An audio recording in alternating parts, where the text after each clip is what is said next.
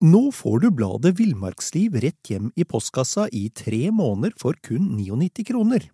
I Villmarksliv kan du lese om norsk natur, ærlige tester av klær og utstyr, og mange gode turtips skrevet av erfarne friluftsfolk, fiskere og jegere. Send SMS VILL36 til 2205 og motta bladet allerede neste uke. Lev livet villere med bladet Villmarksliv. Planning for your next trip? Elevate your travel style with Quince. Quince has all the jet setting essentials you'll want for your next getaway, like European linen, premium luggage options, buttery soft Italian leather bags, and so much more. And it's all priced at 50 to 80% less than similar brands. Plus, Quince only works with factories that use safe and ethical manufacturing practices. Pack your bags with high-quality essentials you'll be wearing for vacations to come with Quince. Go to quince.com slash trip for free shipping and 365-day returns.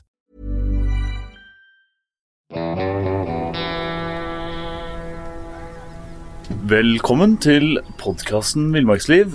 Um, Mjøsa det er en uh, innsjø mange har et uh, nært og kjært forhold til.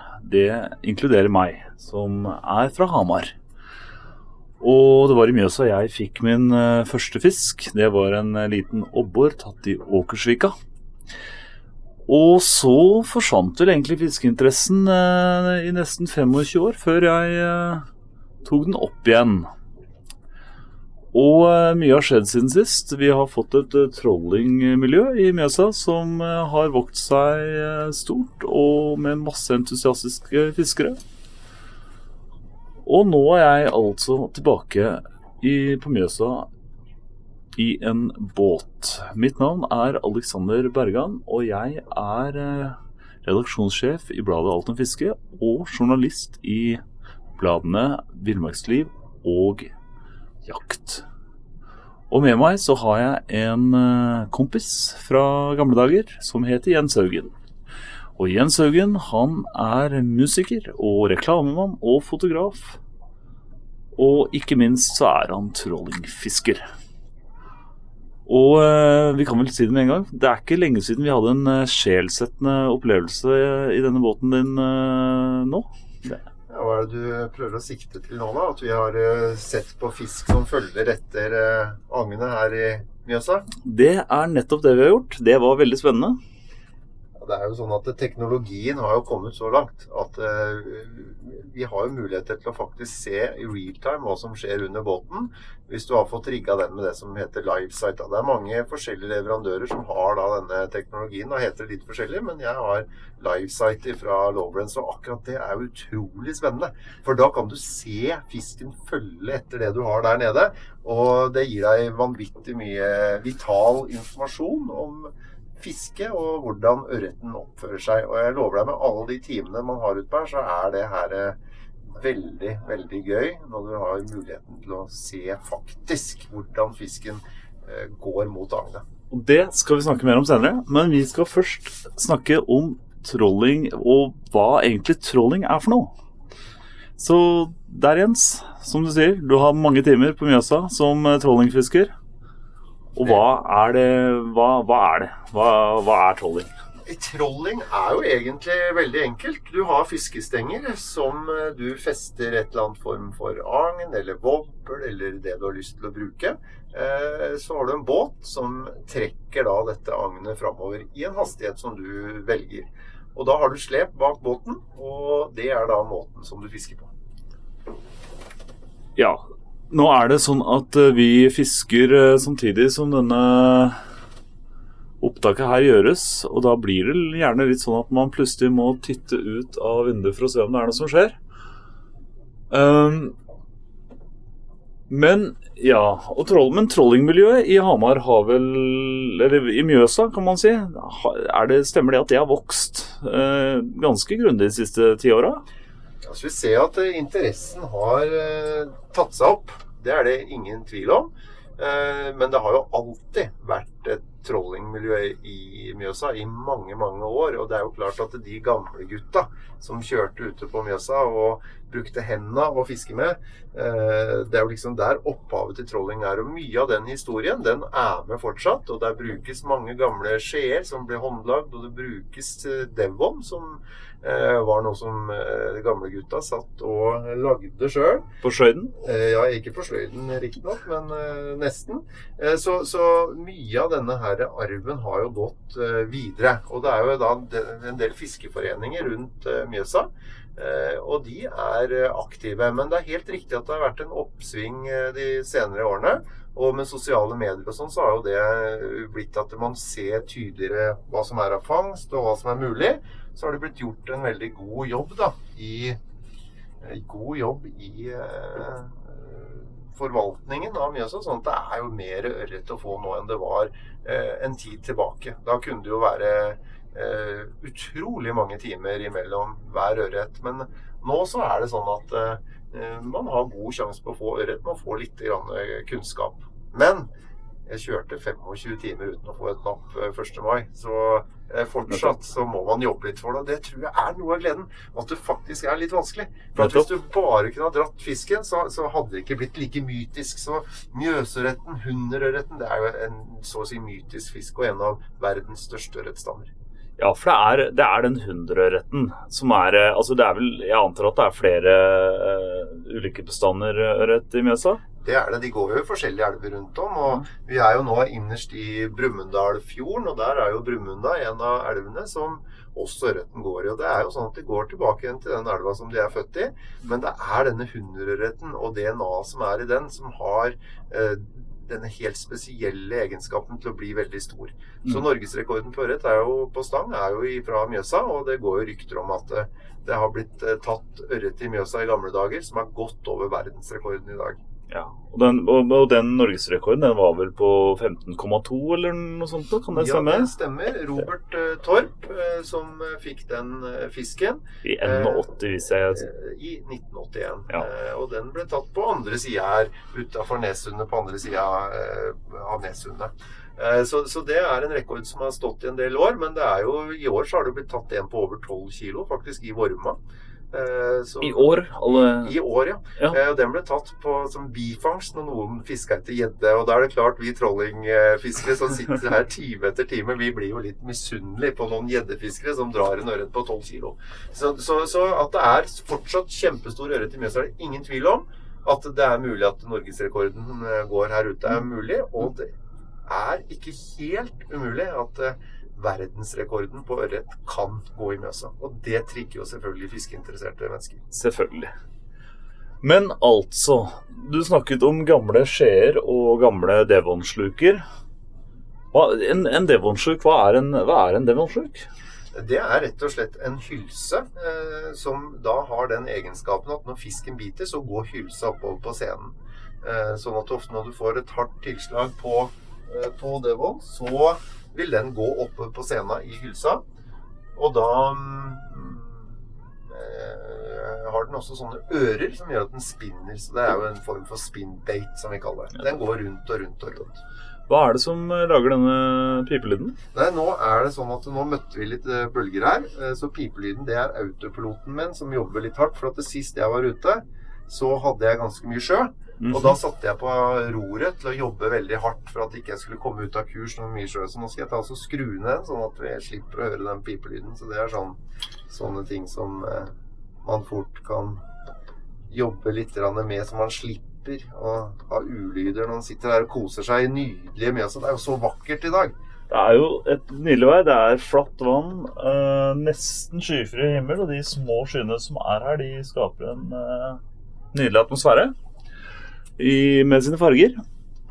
Um, ja, det var Devon-sluken. Men er det, er, det, er, er det, sånn at Devon egentlig er engelsk, eller? Det er en engelsk Det er helt riktig. Så den ble importert litt eh, til eh, Mjøsa. Ja. Og det finnes også fortsatt engelske som er veldig ettertrakta på bruktmarkedet. Gamle engelske devoner. Eh, Mm. men det er jo klart de klassikerne til de som satt rundt her og var mjøsfiskere, og som lagde disse devonene, de, de har jo en stor affeksjonsverdi. Og ikke minst da blir det solgt for dyre penger på bruktmarkedet fortsatt en dag i dag. Ja, Nettopp. Men eh, av skjesjuker, og, det, og man bruker vanlige wobblere, vil jeg anta? Det er helt uh, riktig. Wobblere bruker man, og der er det jo både nymotens uh, wobblere som du får fra alle slags fabrikater. Det er uh, absolutt eh, noe som eh, brukes i Mjøsa også. Eh, om det er Rapala eller det er eh, Tomic eller all type plastikk, da. Og agnfisk. Krøkle og løve, som du sa. Agnfisk Ja. eh, brukes også. eh, Mhm. Og agnfisk det viser seg å være veldig veldig effektivt eh, når man fisker på Mjøsa. Så det er veldig mange som, som foretrekker å fiske med agnfisk. Det er jo noen som syns det er litt styr. Det er vanskelig å få tak i agnfisken. Så agnfisk har nesten blitt som en skikkelig bra valuta rundt om i Mjøsa. Fordi at de som har fiska agnfisk, da, da er du kongen på haugen, da. Eh, så, men det har vist seg å være veldig effektivt også på Mjøsa. Det er mange i Østersjøen som eh, har brukt mye agnfisk, og det har vi arva litt i senere tid egentlig av de som fisker i Sverige og, og finskene. Eh, det som liksom gjorde at det kom litt til, til Mjøsa. da. Sikkert også fra gammelt av, men det er, de har liksom lært oss litt å fiske med sånn som jeg oppfattet det. da. Nettopp. Ehm, ja, du snakket om at eh, du, man kunne være litt sånn eh, kongen på haugen hvis man hadde mye agnfisk. At det var en hard valuta på det skumle, svarte markedet, antar jeg.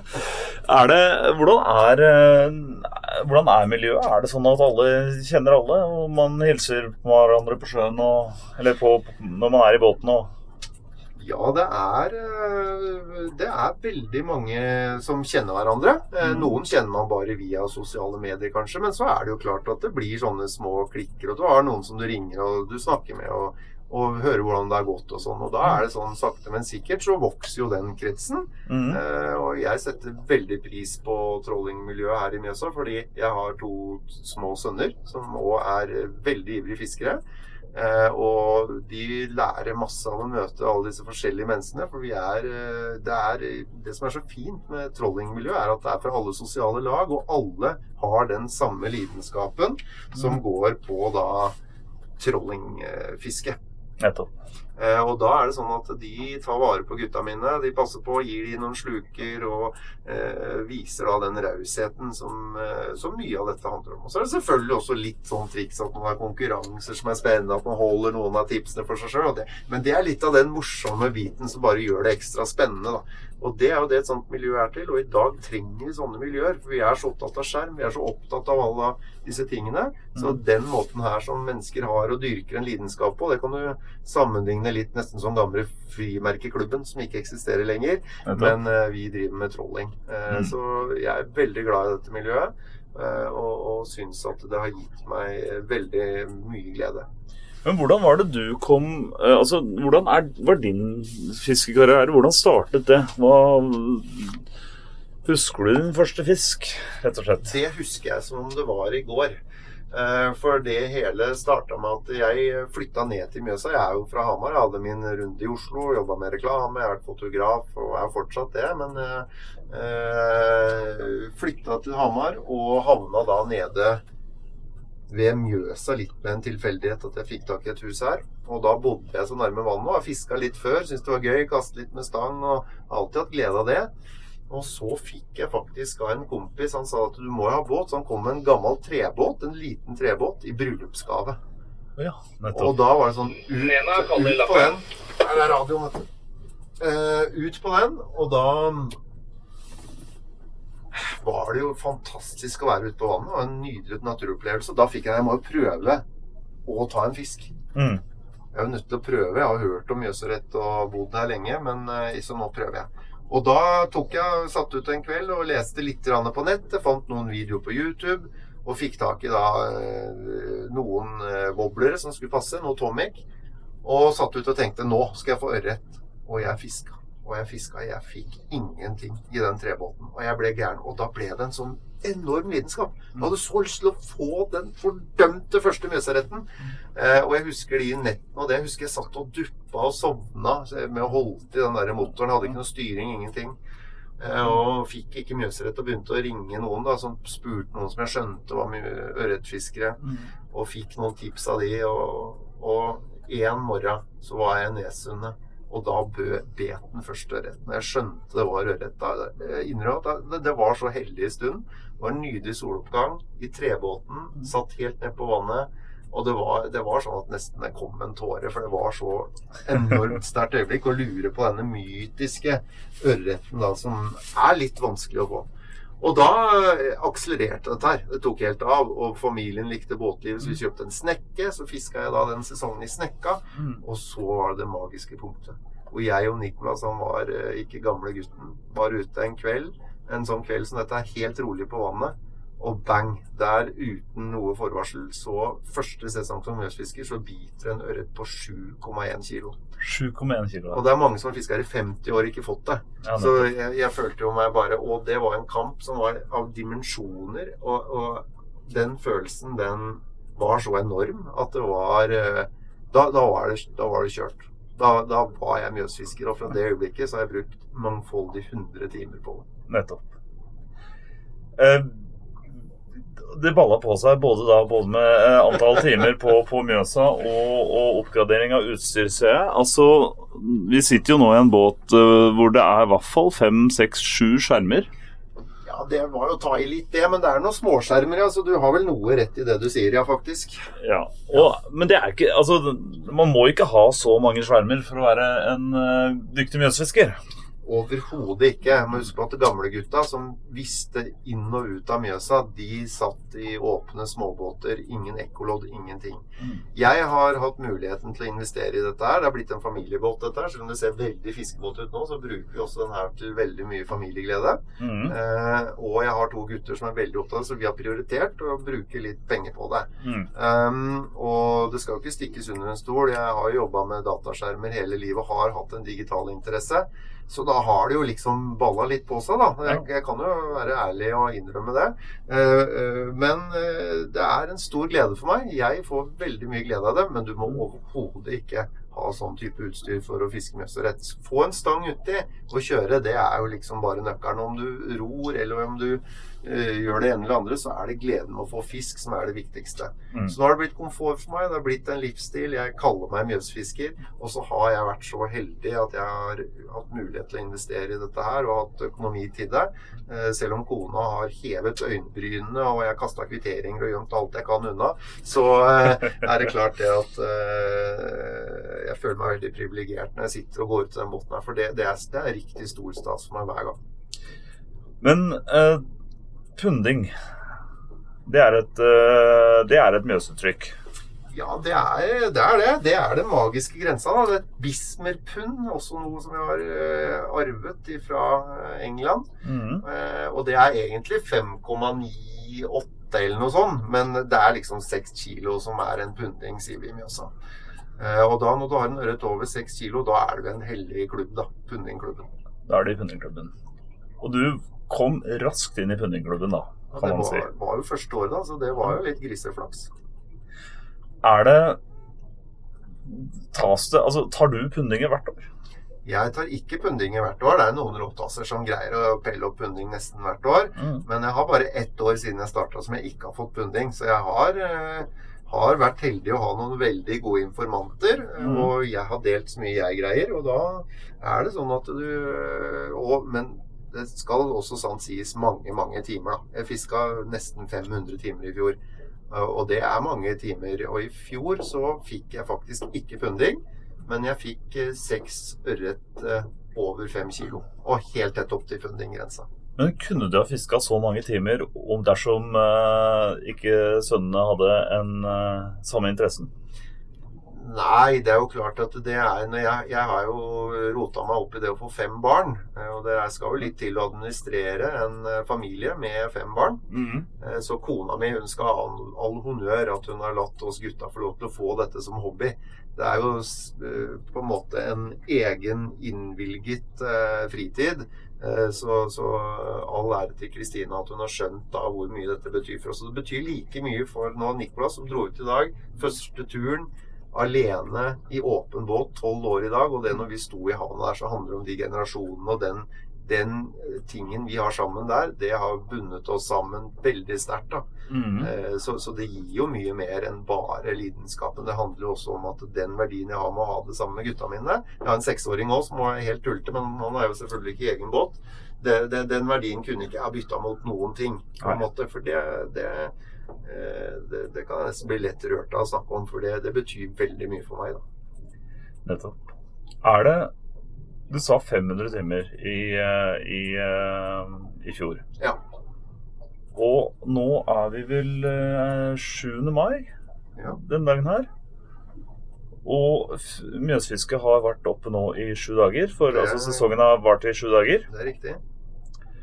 Eh, hvor mange timer har du hatt uh, i løpet av den første uka? Jeg syns jeg har hatt veldig lite. Kona mi var litt uenig i det, men jeg syns jo at jeg ikke har fått fiska noen ting. Så sa han i dag til meg ja, men Jens, sesongen har jo bare så vidt begynt. Så begynte jeg å tenke over det, men vi har jo, har jo greid å bikker jo 40 timer i dag, så det, det er jo, har jo vært noen timer allerede. Men hvor mange timer må du beregne mellom eh, hver eh, fisk?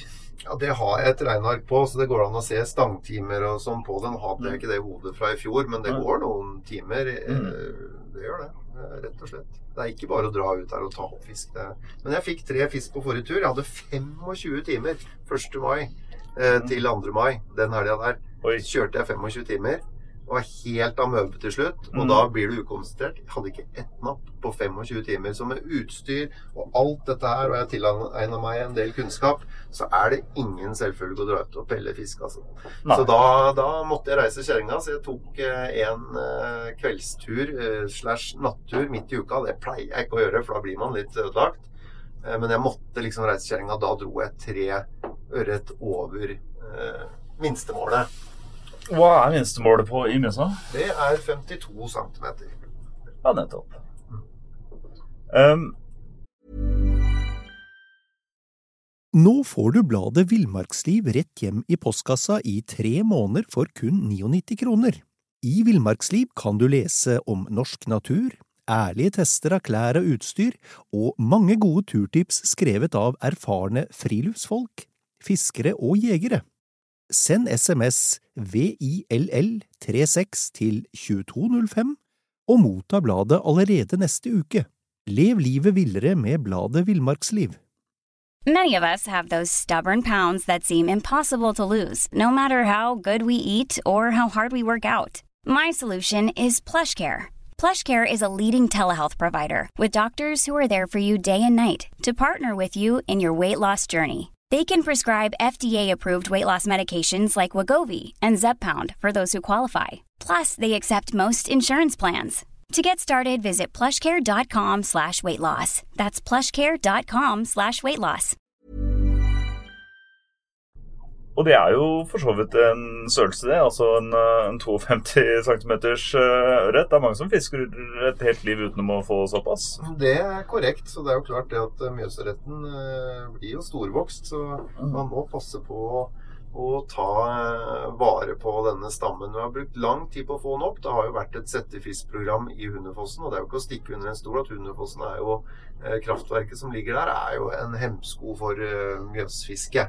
For hunderørreten så er det dessverre veldig mange som ikke overlever den kraftstasjonen som ligger der, og det kan man jo diskutere opp og ned, men den er gammel og utdatert, som gjør at kraftverket burde jo, mener jeg, nå oppgradere sånn at vi tar vare på naturressursene på en god måte. Hvis man tenker vannkraft i det store hele, så er jo det en veldig bra fornybar eh, energikilde.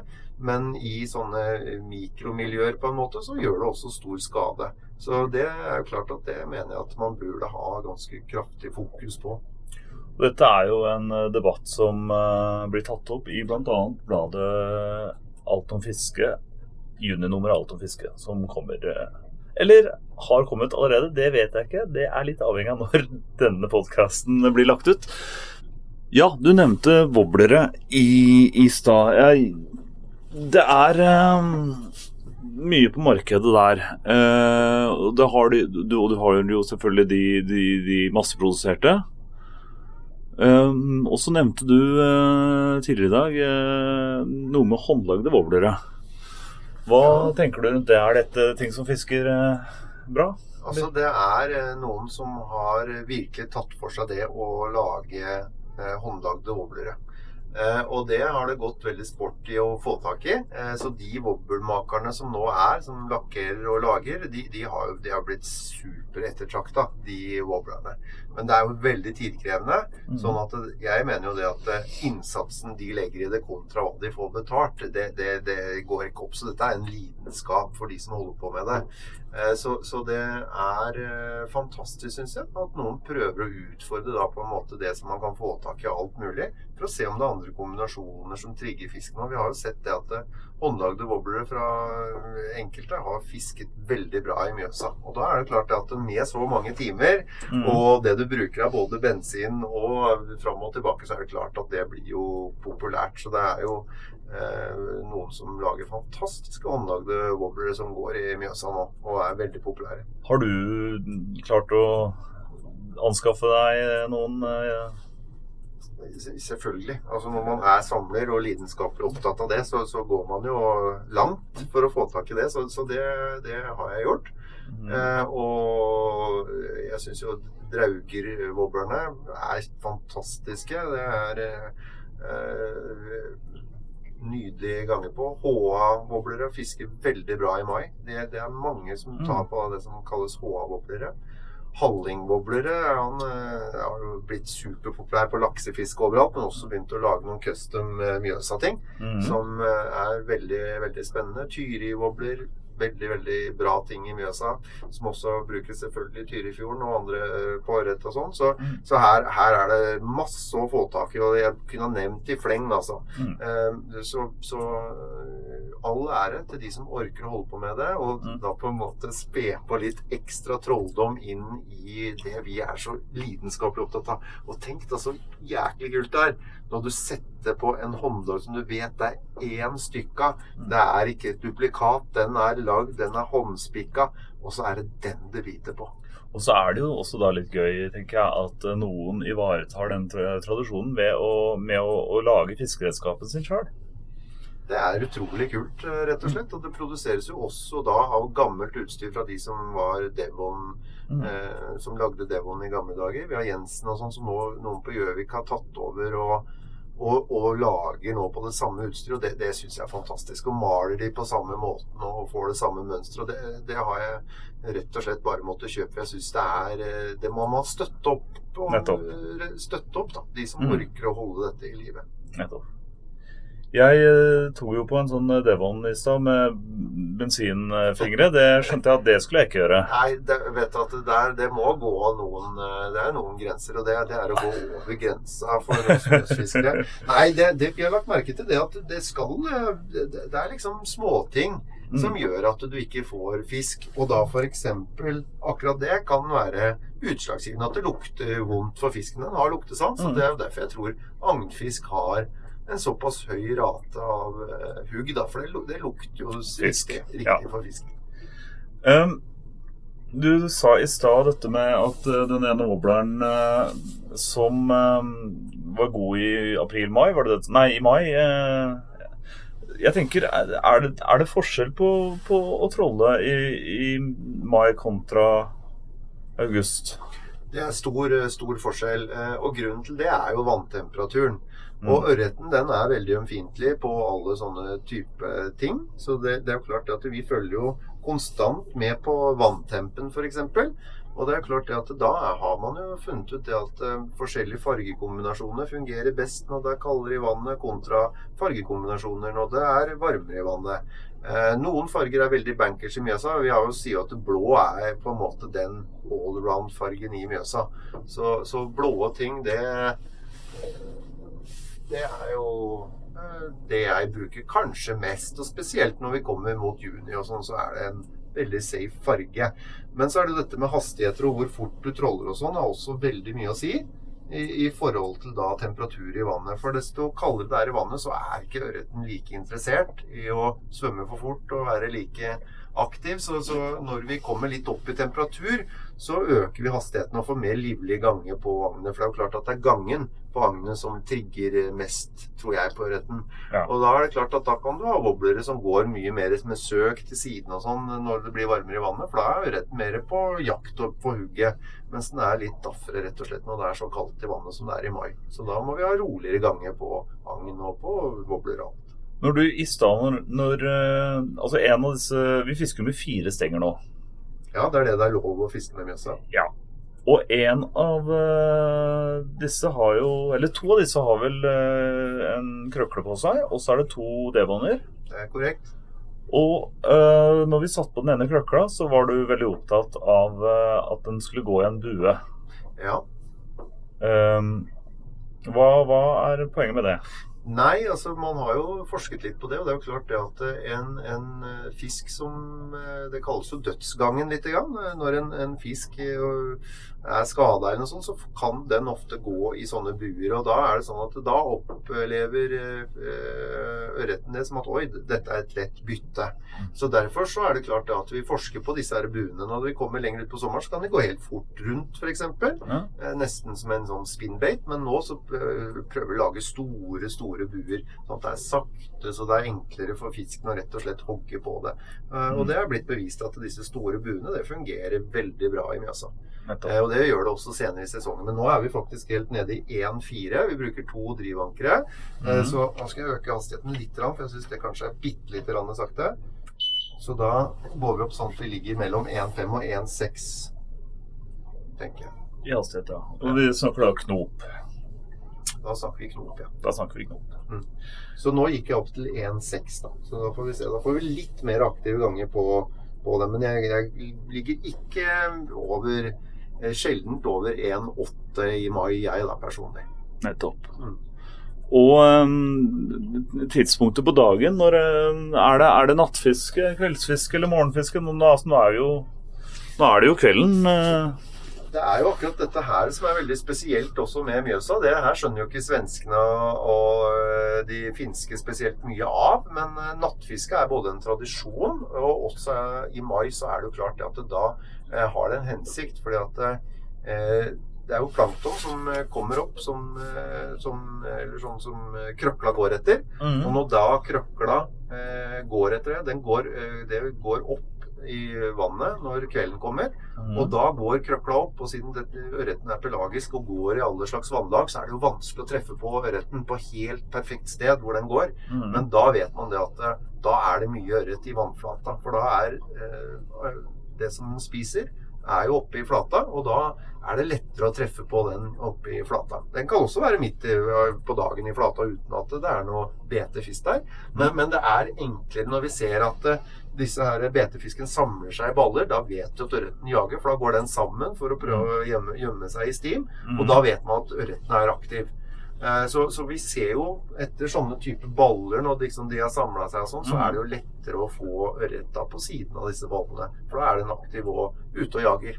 Eh, Så det er noe vi følger med på ekkoloddet og prøver å se etter. Her ser du nå på ekkoloddet. Det, det, er- det er helt vanvittig mye fisk inne i fjorden her. Mm. Eh, Og det kan også være problematisk, for da har ørreten så mye å spise på, og, ja. og, og velge i, sånn at er det ikke sikkert at våre ting blir så interessant. Så dersom det er så mye fisk, så hender det av og til at vi prøver å finne rett av utkanten av det, der det står så tjukt med fisk som der vi er nå, kan ofte være lurt. da. Så ser du at du strømfòrer i vannet. Når du kjører trolling, så er det mange ting du bør følge med på.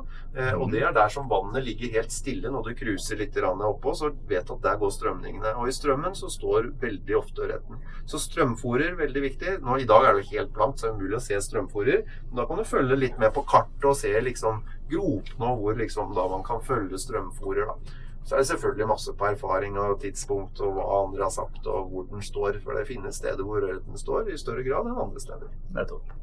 Så, så alle disse tingene her eh, har mye å si. Mm. Tiden på døgnet har masse å si. Og så blir det utover sommeren, så da, da kan man fiske litt mer på alle tider. Jeg liker det veldig godt. Ja. Jeg syns uh, nattfiske, hver døgnet og Jeg er blitt en eldre kar. Noen fikser det helt fint, men jeg blir ikke altså med da masse barn og alt det jeg holder på med, så er det slitsomt, syns jeg. Ja. Jeg blir veldig sliten av det. Men det er jo selvfølgelig fantastisk når sola står opp. Du har vært ute en natt, og det begynner å lysne, og du våkner litt, og så står sola opp, så kan det være så vakkert at du mister helt eh, ja, munn og mele. Men det, det dreier jo seg også om at det faktisk er naturopplevelser. Selv om vi Mm. sitter inne i disse båtene, så er det eh, rekreasjon. Mm. Og en ting som er viktig å tenke på, er at rekreasjon er samfunnets gull.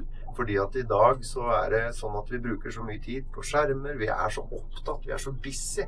Så ja, kanskje det nye gullet i samfunnet er faktisk rekreasjon. Så vi må tilrettelegge for det. Politikere må bruke energi på det. Fordi at det er så viktig for oss mennesker å ha disse eh, punktene hvor vi kan ha rekreasjon. Nettopp. Vist eh, klokt eh, sagt, eh, Jens. Um, ja, vi var jo inne på uh, denne sjelsettende opplevelsen uh, helt i begynnelsen av denne podcasten. Og det gikk jo på at vi så kunne se um, ørreten følge etter krøkla. Det er korrekt. Eh, og det kan de altså gjøre ved hjelp av eh, denne magiske skjermen eh, der. Ja. Som var en Hva var det det var? En Lawrence? Nei, det jeg har her, er en Lawrence, og de har da kommet med det som kalles livesight, og også noe som heter active target. Som er muligheten å se fisken i sanntid. Mm. Og et, hvert ekkolodd er jo ofte mynta på at man ser bare det som har skjedd. Mm. Det som er på skjermen på en 2D, det er ting som har skjedd. Da får Mm. du sett liksom blæra i fisken. Eh, Desto større den er, desto større bue får du på ekkoloddet. Og småfisk blir sånne små knøtteprikker, og du får da en mulighet til å se hvor bunnen er, og hvordan det går, og alt mulig sånn. Men du får jo ikke et sanntidsbilde. Og det er jo det som har kommet med disse nye giverne. Det er jo det at du ser faktisk fysisk hva som skjer der og da. Og det er en stor forskjell, for da ser du hvordan fisken agerer på agnet ditt. Mm. Eh, og en av de store tingene som jeg har oppdaget Jeg har alltid trodd at ørreten kommer underfra og tar og går opp på eh, det du har under. Mm. Men mitt, eh, min påstand er at 90% av all ørret som går på det du har, den kommer ovenfra og ned. Og det trodde jeg ikke. Jeg var helt sikker på at den kom underfra, den så opp. Men veldig ofte, det som biter, er den som kommer inn litt ovenfra, og da på en måte litt over, og så kommer den ned mot agnet ditt. Og det kan du se helt tydelig på da eh, livesite-giveren. Men det slår jo litt i hjel teorien om at du skal ha eh, mørke sluker eh, om kvelden for å skape bedre kontrast eh, i forhold til himmelen. Når du fisker i flata, da er det jo helt naturlig at all fisk eh, kommer opp. Det er jo for så vidt sant. Sånn at eh, vi må skille, skille litt mellom det. For det vi sitter og ser på nå, er djupriggfiske. Ja. Eh, sånn at eh, når du ligger i flata, så er det nok noen brekninger på en måte i vannet på toppen som, som gjør at dette faktisk er veldig viktig. Så når eh, mørket siger på her på Mjøsa, så bruker vi mørke sluker, eh, som virker jo helt ulogisk, men, men, men det fisker definitivt best. Da må jeg bare unnskylde den lille kognitive svikten jeg hadde der, eh, men Men vi rydda opp i det. vi rydda opp i det. Tror du eh, vi kommer til å få noe fisk? Er det viktig å, å ha troa som mjøsfisker? Altså Hvis du ikke har trua, da kan du legge opp som mjøsfisk med en gang. For det er såpass lenge mellom hver eh, fisk at eh, da blir det veldig veldig slitsomt for deg. Så jeg har trua. Det som er nå, er at jeg vet at bettidene Jeg ser nå på skjermen min at nå begynner eh, ting å gå oppover. For det blir mørkere, og da går all fisken oppover mot flata. Så nå jeg at det begynner å dra seg til litt. Og nå er klokka 22.08, så nå er det eh, to magiske timer foran oss som eh, det absolutt bør være mulig å få fisk. Da tror jeg at vi skal ønske oss eh, selv eh, skittfiske. Det holder jeg med deg. Takk for at du hørte på, og takk til deg. Bare hyggelig.